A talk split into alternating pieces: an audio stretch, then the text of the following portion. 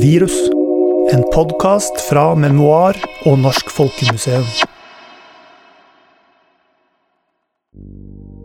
Det er òg en generell opplevelse at de er litt naive i forhold til hvordan verden er. We just get paid when we, are, we were on board. So once we are at home, there's no more payment. Nå må jeg bare gjøre meg klar til at Hurtigruta kaller meg tilbake igjen.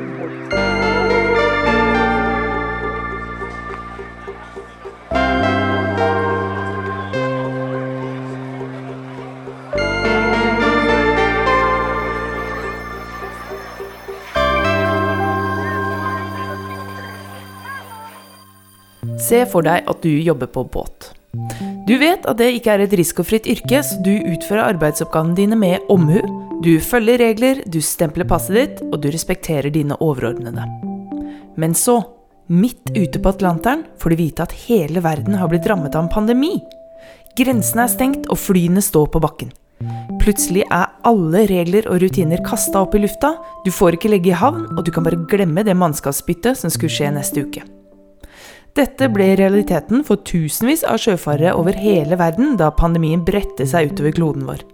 Og i denne episoden skal du føre tankene og opplevelsene til noen av de.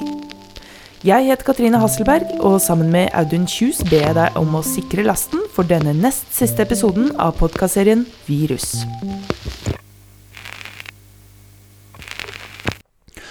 Og siden ingen av oss to er sjøfarere, så har vi heldigvis fått besøk i dag også. Og denne gangen av Daniel Oliver Paulsen. Velkommen. Tusen takk. Takk for at jeg får komme. Du er jo med oss fra kontoret ditt i Bergen, så du er på en egen linje. Men eh, du er utdanna sosialantropolog, og de siste månedene så har du jobba med å samle inn historier fra sjøfolk. Kan du fortelle litt om det? Det kan jeg. Eh, jeg har jobbet som eh, vitenskapelig assistent nå ved Norsk Maritimt eh, Museum på et prosjekt som handler om verdenhandelens blodomløp. Det vil altså si yrkesgruppen sjøfolk. Det er et prosjekt som er satt i gang av sjøhistoriker Elisabeth S. Koran. Og det vi tar for oss, er yrkesgruppe som vi anser som samfunnskritisk, men som ikke nødvendigvis har fått den oppmerksomheten da, under pandemien. Så vi har intervjuet sjøfolk og eh, andre som jobber i maritim bransje, og på en måte gitt de et vindu til å snakke ut eh, om sin opplevelse da, av pandemien. Og da får vi kanskje høre noen historier som vi ikke ville fått høre ellers. Det er det vi sikter oss inn på. Men det som er, kan jo være litt spesielt da med sjøfarerne, eller i hvert fall noen av dem, det er jo at flere er jo blitt sittende fast rundt omkring i verden da denne pandemien kom. Hva har du fått høre om det? Det stemmer. Eh, pandemien eh, kom brått på eh, for maritim bransje og generelt alle sammen. Og mannskapsbytte er jo en vesentlig del i skipsfart. Jeg har snakket med sjøfolk som selvsagt har fått hjemreise vanskeliggjort, men også utreise til jobb. Og En vesentlig del av dette er jo da karantenetid, um, som jo mange har måttet bruke av friperiodene sine for å gjennomføre. Dette her med at folk blir sittende fast rundt omkring i verden, er det blitt fortalt noe om det? At det er blitt noen uh, spesielle situasjoner? Jeg har jo blitt uh, fortalt historier om kollegaer av de jeg har pratet med som har vært oppe i situasjoner der hvor de har blitt sittende over kontrakttiden sin, eller da over en vanlig rotasjon. Uh, ellers har også de fleste jeg har snakket med, har ikke hatt det store problemet med å komme seg hjem. Um, et tilfelle er jo um, en indoneser, som vi skal høre fra litt seinere, som da uh, ble rett og slett seilt til Han jobber da på cruiseskip i Royal Caribbean. og De seilet da alle skipene sine til Miami, hvor de da hyret inn et fly fra Qatar Eh, med flere hundre ansatte, og flydde de da altså til sine respektive hjemland. Eh, men dette her er jo da også rederier som seiler for norske flagg. Eh, så ja, en litt annen måte å gå frem på. Men jeg har også fått høre historier da om, om sjøfolk som har blitt sittende langt over sine egne kontrakter, og da snakker vi gjerne nesten et år over kontrakten.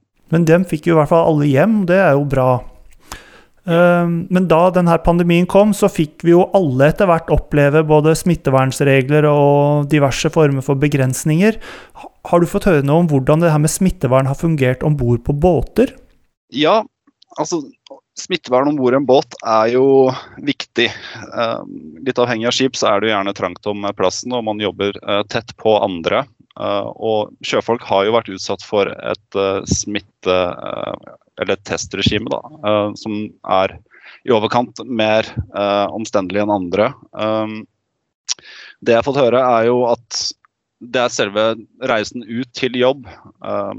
Om man jobber i utenriks, så er det jo selvfølgelig enda mer omfattende. Men det er testregime der man gjerne går gjennom flere faser av testing. Gjerne før flyplass, på flyplass, etter flyplass, før båt, om bord båt, underveis på båten osv. Um, så samtidig så har de også hatt uh, flere om bord som er i risikosonen. Dvs. Si, uh, ut ifra alder. Uh, noe som også gjør det mer viktig da, å, å overholde disse smittevernreglene. Ja, En av de som du har snakka med om de ulike smitteverntiltakene, er Stig Sillen. Kan du fortelle litt om han? Ja. Stig Sillen han er 55 år. Han er kaptein om bord supply-skipet Island Clipper, som opererer bl.a. i Nordsjøen. Og han jobber på et skip som han selv sier er eh, havets lastebil. Uh, som bringer utstyr og andre ting da ut til installasjoner og skip i, i Nordsjøen. Um, og han fikk et uh, litt spesielt oppdrag nå uh, under pandemien. Hvor de da ble sendt til Rotterdam for å hente inn mannskapskonteinere uh, som de skulle ha om bord på båten sin, eh, i tilfelle de måtte starte masseevakueringer av plattformer i Nordsjøen. Mm. Ja, for de som bor og jobber på båt, de må jo også få med seg forsyninger som mat og drikke og sånn fra havnen de kommer inn i. Men også her ble det jo selvfølgelig endringer. Så la oss høre hva Stig forteller om både dette og ulike smitteverntiltak. Nei, vi, vi, to, vi tok om bord alle forsyningene vi trengte, tok vi om bord i Dusavika i Stavanger før vi dro nedover. Eh, når vi tar om bord eh, forsyninger òg, så blir de stående. Alle som håndterer forsyningene, bruker hansker. Eh, enkelte av tingene blir stående i ei karantene i et døgn eller to før det blir flytta videre og, og pakka ut og, og håndtert. Det er en del av våre, våre prosedyrer om bord.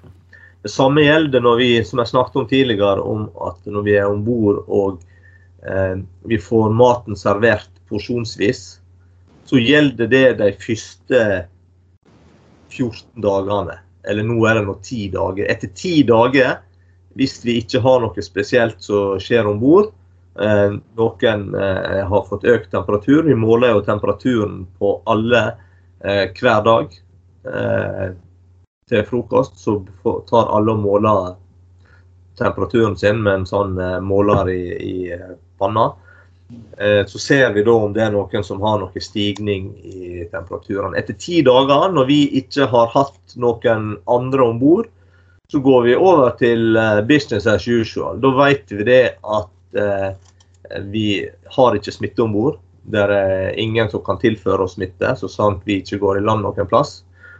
Men får vi da om bord, er det noen som blir syke, blir sendt hjem igjen, vi får en vikar om bord, eller en eller annen ny person kommer om bord, så begynner vi på det regimet fra, på nytt igjen, fra dag én igjen. Og fortsatt, å ta ti nye dager før vi, vi slipper opp på, på de tingene.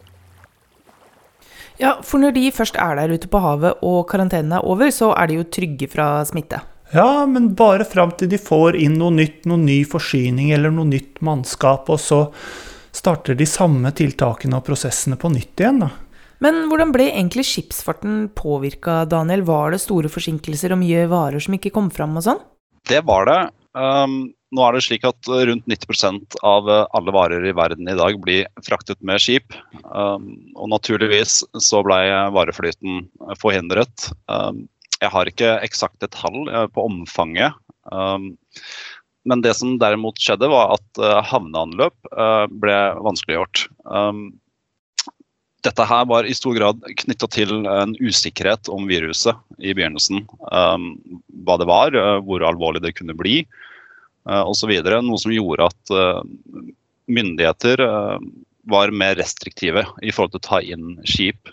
Um, så igjen, dette gikk jo da selvfølgelig ut over vareflyt, men først og fremst mannskapsbytte uh, er vel det som ble uh, vanskeliggjort. Um, fordi lossing det kunne i mange tilfeller bare foregå som normalt, i og med at lastehavner i utgangspunktet er eh, gjerne sikret både for inngang og utgang av eh, personer. Um, det som derimot eh, skjer, er at man ser en trend videreføres, eller gjerne forsterkes, av at mannskapet da ikke får landlov.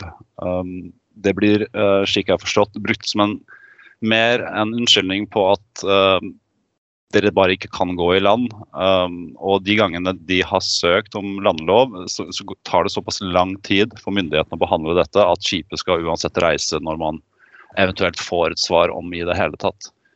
Um, og det er uh, en trend som nok uh, er en forlengelse av noe man allerede har sett en del av. Og det er det å holde mannskapet om bord, losse fort, uh, fortest mulig, og så komme seg av gårde igjen.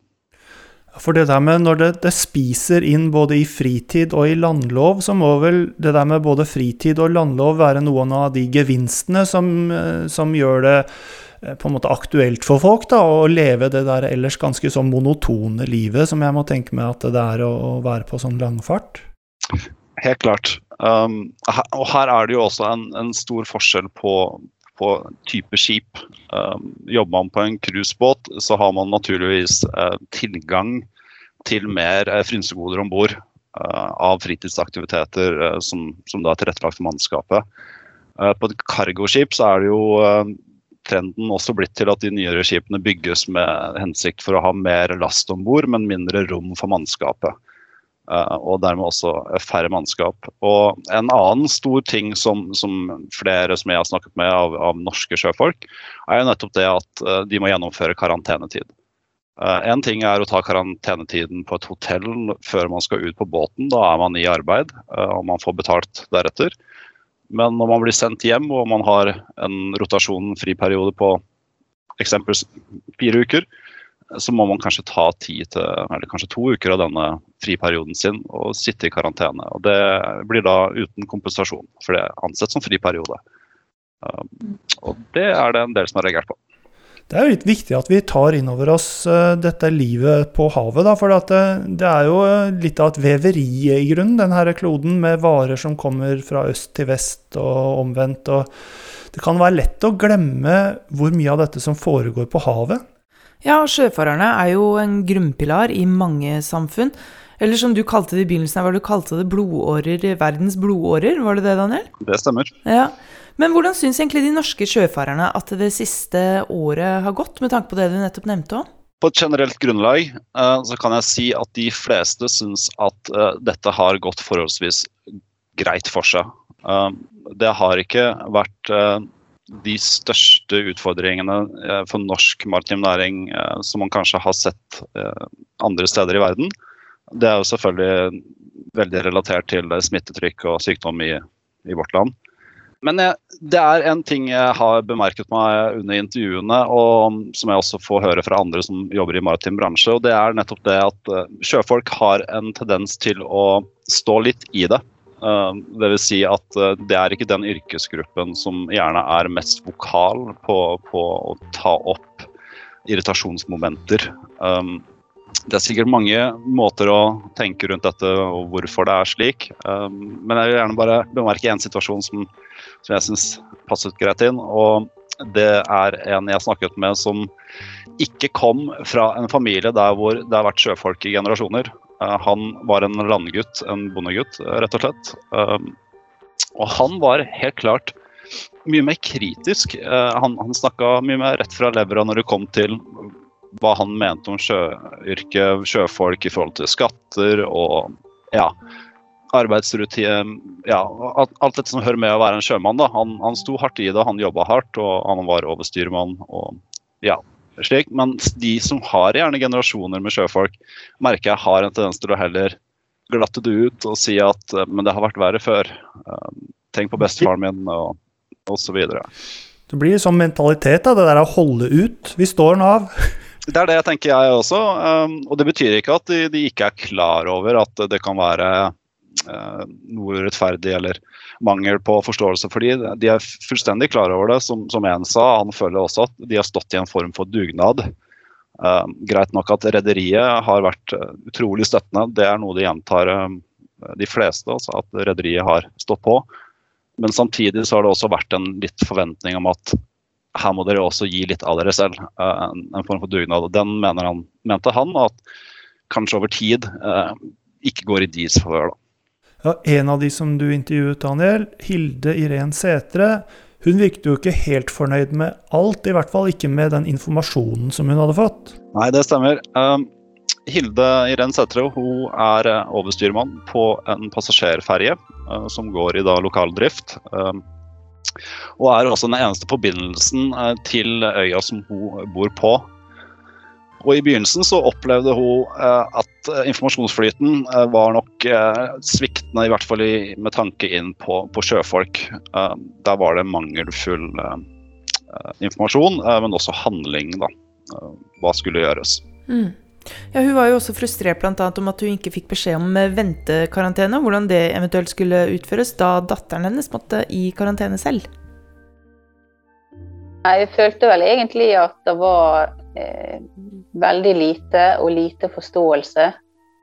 Eh, men rederiet har vært flink å eh, få tak i informasjon og ordne opp og viderebringe informasjon til oss. Men eh, samtidig så eh, Sånn som lokalt nå med dette smitteutbruddet.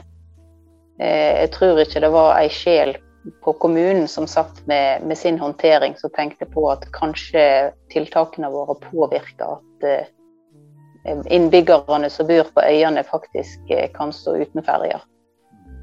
Eh, så det ble noen tekstmeldinger igjen da òg at eh, ja, vi fikk De anbefalte f.eks. meg å være i ventekarantene fordi det var noe som var tilknytta til klassen til dattera mi. Eh, og dette var i påsken, og de hadde ikke ei eneste telefonlinje åpen til å stille spørsmål. Så jeg måtte Ja, dattera mi skulle testes, så jeg eh, måtte følge henne og fikk snakket med kommunelegen, som var den som utførte testen den dagen. Og spurte skal jeg i ventekarantene eller skal jeg gå på jobb. Eh, så da fikk jeg klarert å kunne gå på jobb. Men det er jo ganske tungvint når de ikke tar hensyn til samfunnskritiske jobber som de da er opptatt av. Men også og generelt så har vel sjøfolk blitt li, eh, vist lite oppmerksomhet i covid-situasjonen. Også eh, ja, en skipper som jeg seilte med offshore, som jeg fortsatt har masse kontakt med, han var en av de som satt i Karibien i litt over 17 uker før han fikk mannskapsskifte. Det er òg en generell opplevelse av norske myndigheter, eller i hvert fall oppfatningen til nordmenn, at de er litt naive i forhold til hvordan verden er. Nordmenn er naive, sier hun. Hva tror du hun mente med det, Daniel? Jo, uh, jeg tror det knytter seg en del til uh, en historie hun fortalte meg om da hun var i utenriksfart uh, og de skulle seile til Libya. og Før de kom til Libya, så hadde de da vært innom Israel på veien. Og de hadde blitt oppfordra av kapteinen sin å slette dette da fra sine egne papirer, reisepapirer, slik at det ikke skulle bli problemer når de kom inn til Libya. Um, det var når hun oppsøkte myndighetene, norske myndigheter om å få dette her gjort, at hun ble møtt da med en del motstand om at det ikke var nødvendig. Og Det er vel ut ifra dette her at hun sier at sånn slik jeg forstår det, at vi, vi, har nok et litt snevert syn på hvordan ting foregår ute i verden. At, at vi har en litt, kanskje en litt, litt norske øyne eh, på mange situasjoner som da helst bør ses med lokale øyne.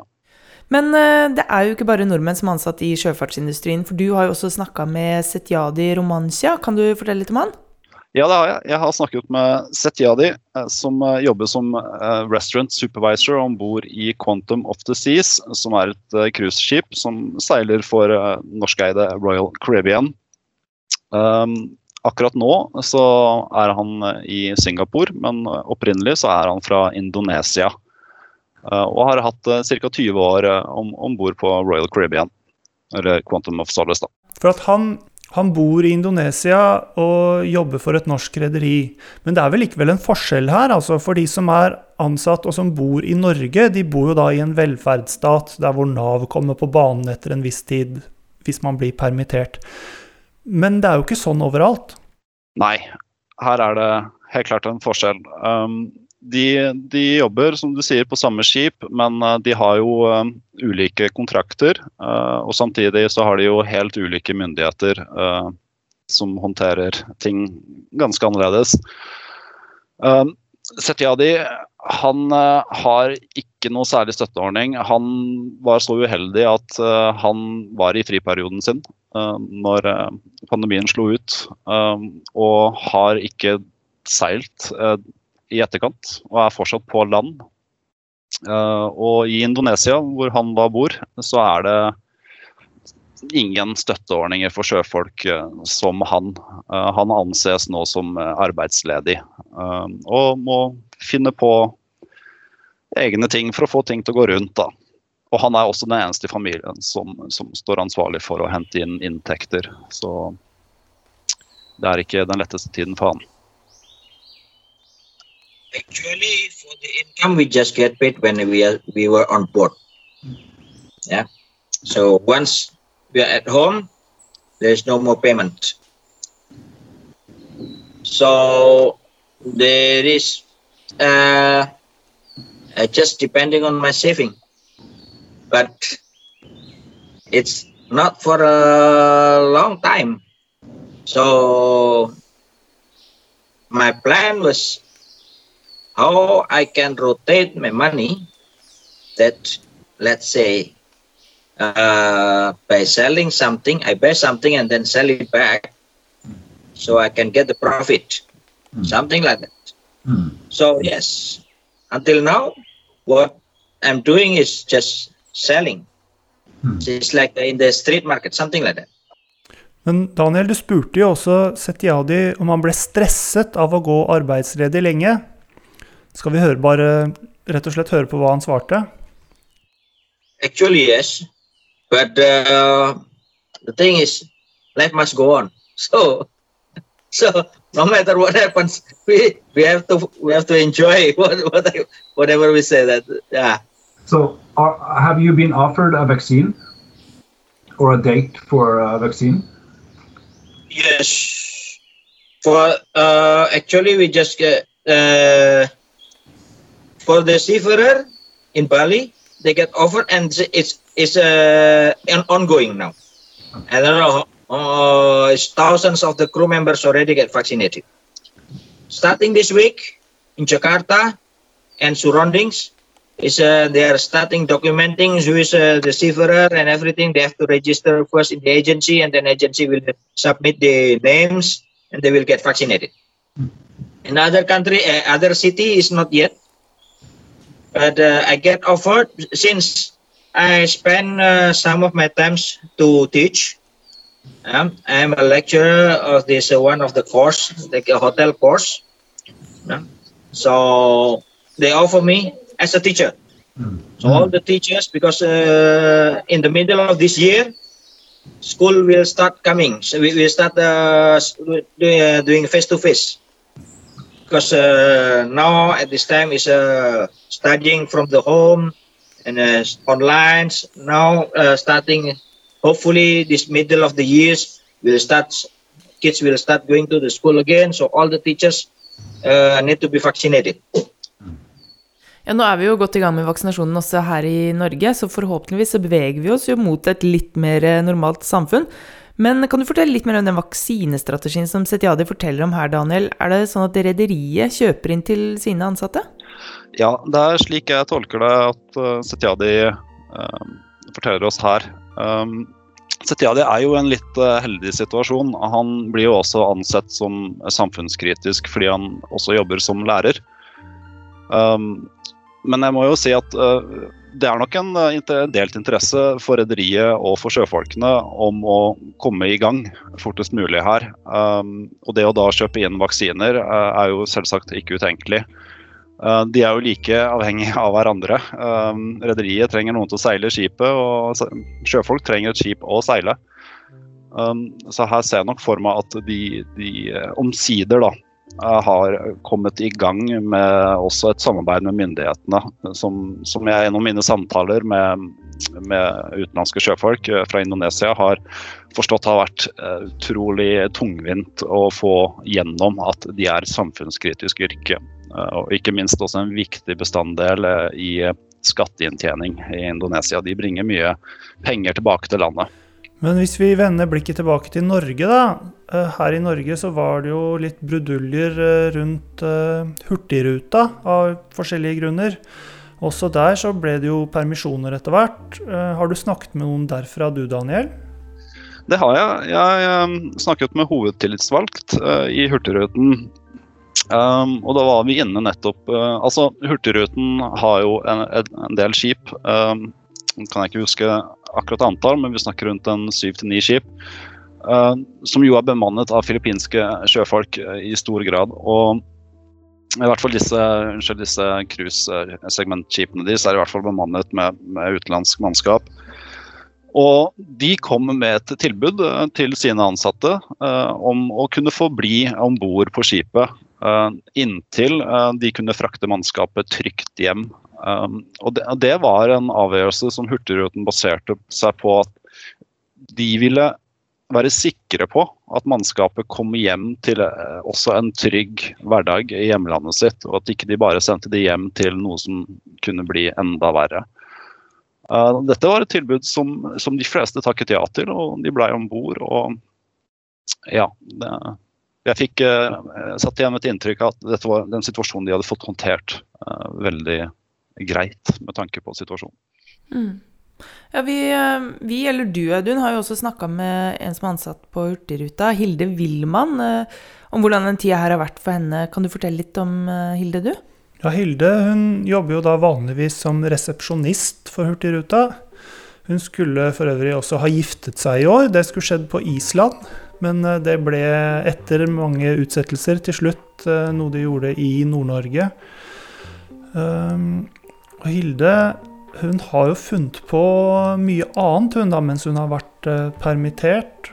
Um, og for henne så har jo grunn, grunn permisjonstiden vært en, en, veldig positiv tid, sier hun. Men vi, vi hører nok noe av den her sjømannsmentaliteten også i, i Hildes måte å takle dette her på. Kanskje vi bare skal høre på hva Hilde har å si?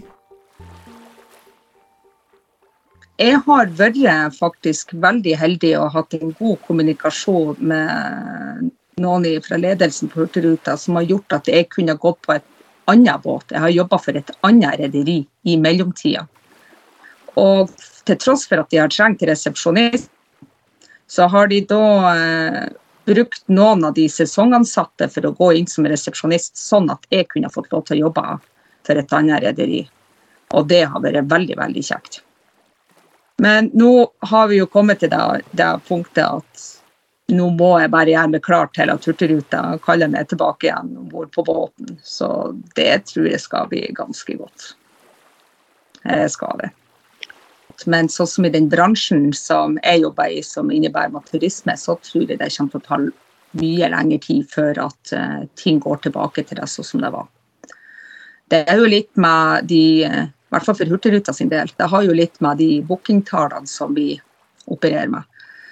Eh, for mange de som bestiller billetter, de gjør det gjerne med ett-to år i forkant. Så vi kommer til å ha lave passasjertall en god stund til. Vi er jo avhengig av å ha eh, gjester utenfor Norge til å komme og reise for å fylle opp båtene våre som vi kan gå med. Så det er veldig vanskelig å si, eh, kalkulere ut hvor lang tid det her kan ta, men at vi blir å kjenne litt bivirkninger på det, ja. Og det at eh, noen tiltak som er blitt gjort om bord på båter nå, eh, smittetiltak, det kommer til å komme dit for å, å, være permanent. Så ja, jeg tror min arbeidspult den kommer til å være noe annerledes når jeg kommer tilbake. Jeg i mitt tilfelle har jo egentlig fått utnytta pandemien egentlig veldig godt for min del. Jeg har fått tatt masse nye spennende kurs. Jeg har fått komme meg inn i et annet rederi. Jeg har fått tenkt veldig mye over hva jeg ønsker å gjøre videre. Jeg syns personlig at jeg har utnytta tida veldig godt. Og eh, Jeg tror ikke jeg kommer til å ha noe sånn her um, veldig mye dårlige bilder med meg, for å si det sånn. Det tror jeg ikke. Absolutt ikke. Klart hektisk. En eh, sånn, eh, litt sånn usikker periode om uh, en følelse av hva skal jeg bli når jeg blir stor. litt sånn type. Men ikke noe Nei. Du har jo har hatt det godt. Jeg har hatt det godt. For når jeg har fri, så har jeg fri, og da er jeg jo kanskje allerede litt isolert, skulle jeg til å si. Klart, Det jeg derimot har savna, jeg har savna konserter. Jeg er forferdelig glad i å reise, og det jeg ikke har muligheten til å reise, den har jeg kjent på. Men jeg har vært veldig flink til å reise inne i Norge, for at jeg reiser overalt. Jeg drar rundt omkring i øyene. Drar med bobil, drar med båt. Drar, eh, ja, så da har jeg bare blitt litt mer kjent i mitt eget eh, nærmiljø, rett og slett. Men konserter, det har vi ikke kunnet hatt, så det har jeg kjent på. Jeg kjenner jo at jeg gleder meg veldig til konserter nå, jeg også, men det er jo et godt poeng det andre som Hilde sa der òg, at det tar jo tid å bygge opp en industri som har ligget i mer eller mindre brakk det siste året. Det samme gjelder jo for mange andre bransjer også, og mange smitteverntiltak er vel kommet for å bli. Men kan du si noe, Daniel, om hvilke smitteverntiltak som sjøfarerne selv tror kommer til å bli i bransjen? Ja, jeg er helt enig, og det er de jeg har snakka med også, at smitteverntiltak kommer nok til å vedvare uh, og bli en del av rutinen i fremtiden. Um, om det blir like omfattende som vi er vant til i dag, det er jo et spørsmål. Um, det jeg kan si, er at de jeg snakket med som jobbet innenfor cruise, og, og, som også var med i, i forbundene knyttet inn mot cruisenæringene, var nok at de kommer til å måtte fortsette med, med kortere turer. Uh, og da gjerne også mindre om bord. Um, hvorfor, uh, når jeg spurte om det, var nok uh, det svaret jeg fikk mest, er at det er fortsatt en usikkerhet. En, en, en, noe form for frykt som henger igjen, og at man har tatt til seg at at man ønsker å begrense sannsynligheten da, for at man må stoppe opp skipet eller sette folk i karantene. alt dette som. Um, og disse personene mente jo at dette kom nok til å vedvare en slags holdning da, om bord. Uh, om ikke det er uh, nødvendigvis covid-19, så, så, vil det vedvare en holdning om å prøve å unngå smitte. Uh, fremtidig uh, smitte. Hva nå det måtte bli neste gang. Begrense risiko på en måte overalt man kan? Ja. Um, samtidig så er det som, som jeg nevnte også at uh, landlov, um, begrensninger på å komme i havn, um, har jo blitt ytterligere begrenset uh, under pandemien. og Igjen så henger det jo sammen med inntjeningen da, og uh, maksimering av um, nettopp hva de driver med, og flytte, flytte varer. Um, så det kan jo bli til. Jeg har snakket med noen som, som også deler denne bekymringen på at pandemien kan bli brukt som en unnskyldning for å tilby lavere lønninger da, til um, utenlandske sjøfolk fordi bransjen må hente seg inn igjen. Samtidig så er det en desperasjon blant utenlandske sjøfolk om å komme seg i arbeid igjen. og Disse to da i kombinasjon kan jo fort bli en, en litt stygg storm.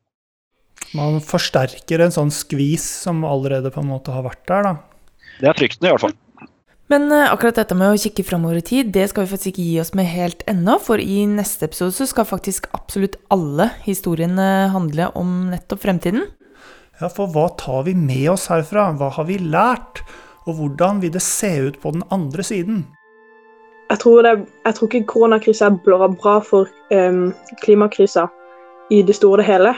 Men akkurat nå så ser tallene bra ut. Men når vi kommer tilbake i samme mønstre, og vi må bruke ekstra energi ekstra utslipp på å få, få oss tilbake, så tror jeg resultatet blir dårlig. Vi håper at du som lytter blir med oss også neste gang, for da har vi faktisk kommet helt til den siste episoden i denne serien. Men det blir ikke det siste du hører fra oss likevel, for til neste år 12. mars, toårsdagen for pandemien, da kommer vi tilbake med en bok som vi er nå nødt til å begynne å jobbe med. Ja, det er ingen laurbær å hvile på herregården, så det er bare å glede seg til enda flere historier fra folk over hele landet. Og ikke minst så blir det masse fine bilder fra den merkelige tida som vi har vært gjennom her nå. Det stemmer, og i mellomtiden må vi få si tusen takk til deg, Daniel, for at du delte fra disse intervjuene som du har gjort, og at du stilte opp i denne episoden for å gi oss et bedre innblikk i hvordan dette året har artet seg for folk som jobber på sjøen. Tusen takk. Takk for at jeg fikk komme. Da håper vi du blir med oss inn i neste og siste episode av Virus, og husk at hvis du vil høre mer fra intervjuene, så kan du gå inn på minner.no, hvor vi har samlet alle intervjuene som er brukt i hver episode. Og hvis du vil dele din egen historie, så er det bare å ta kontakt på samme sted. Musikken du har hørt gjennom hele episoden, er spesialkomponert av Therese Aune. Hvis du vil høre mer av henne, så finner du henne både på Spotify og andre strømmetjenester, eller thereseaune.com. Og så må vi få lov til å takke Sparebankstiftelsen, DNB, Fritt Ord og Bergesen-stiftelsen for at de tror på oss nok til å gjøre podkastserien mulig, også økonomisk. Jeg heter Katrine Hasselberg, min medprogramleder er Audun Kjus, og tusen takk for at du hører på oss.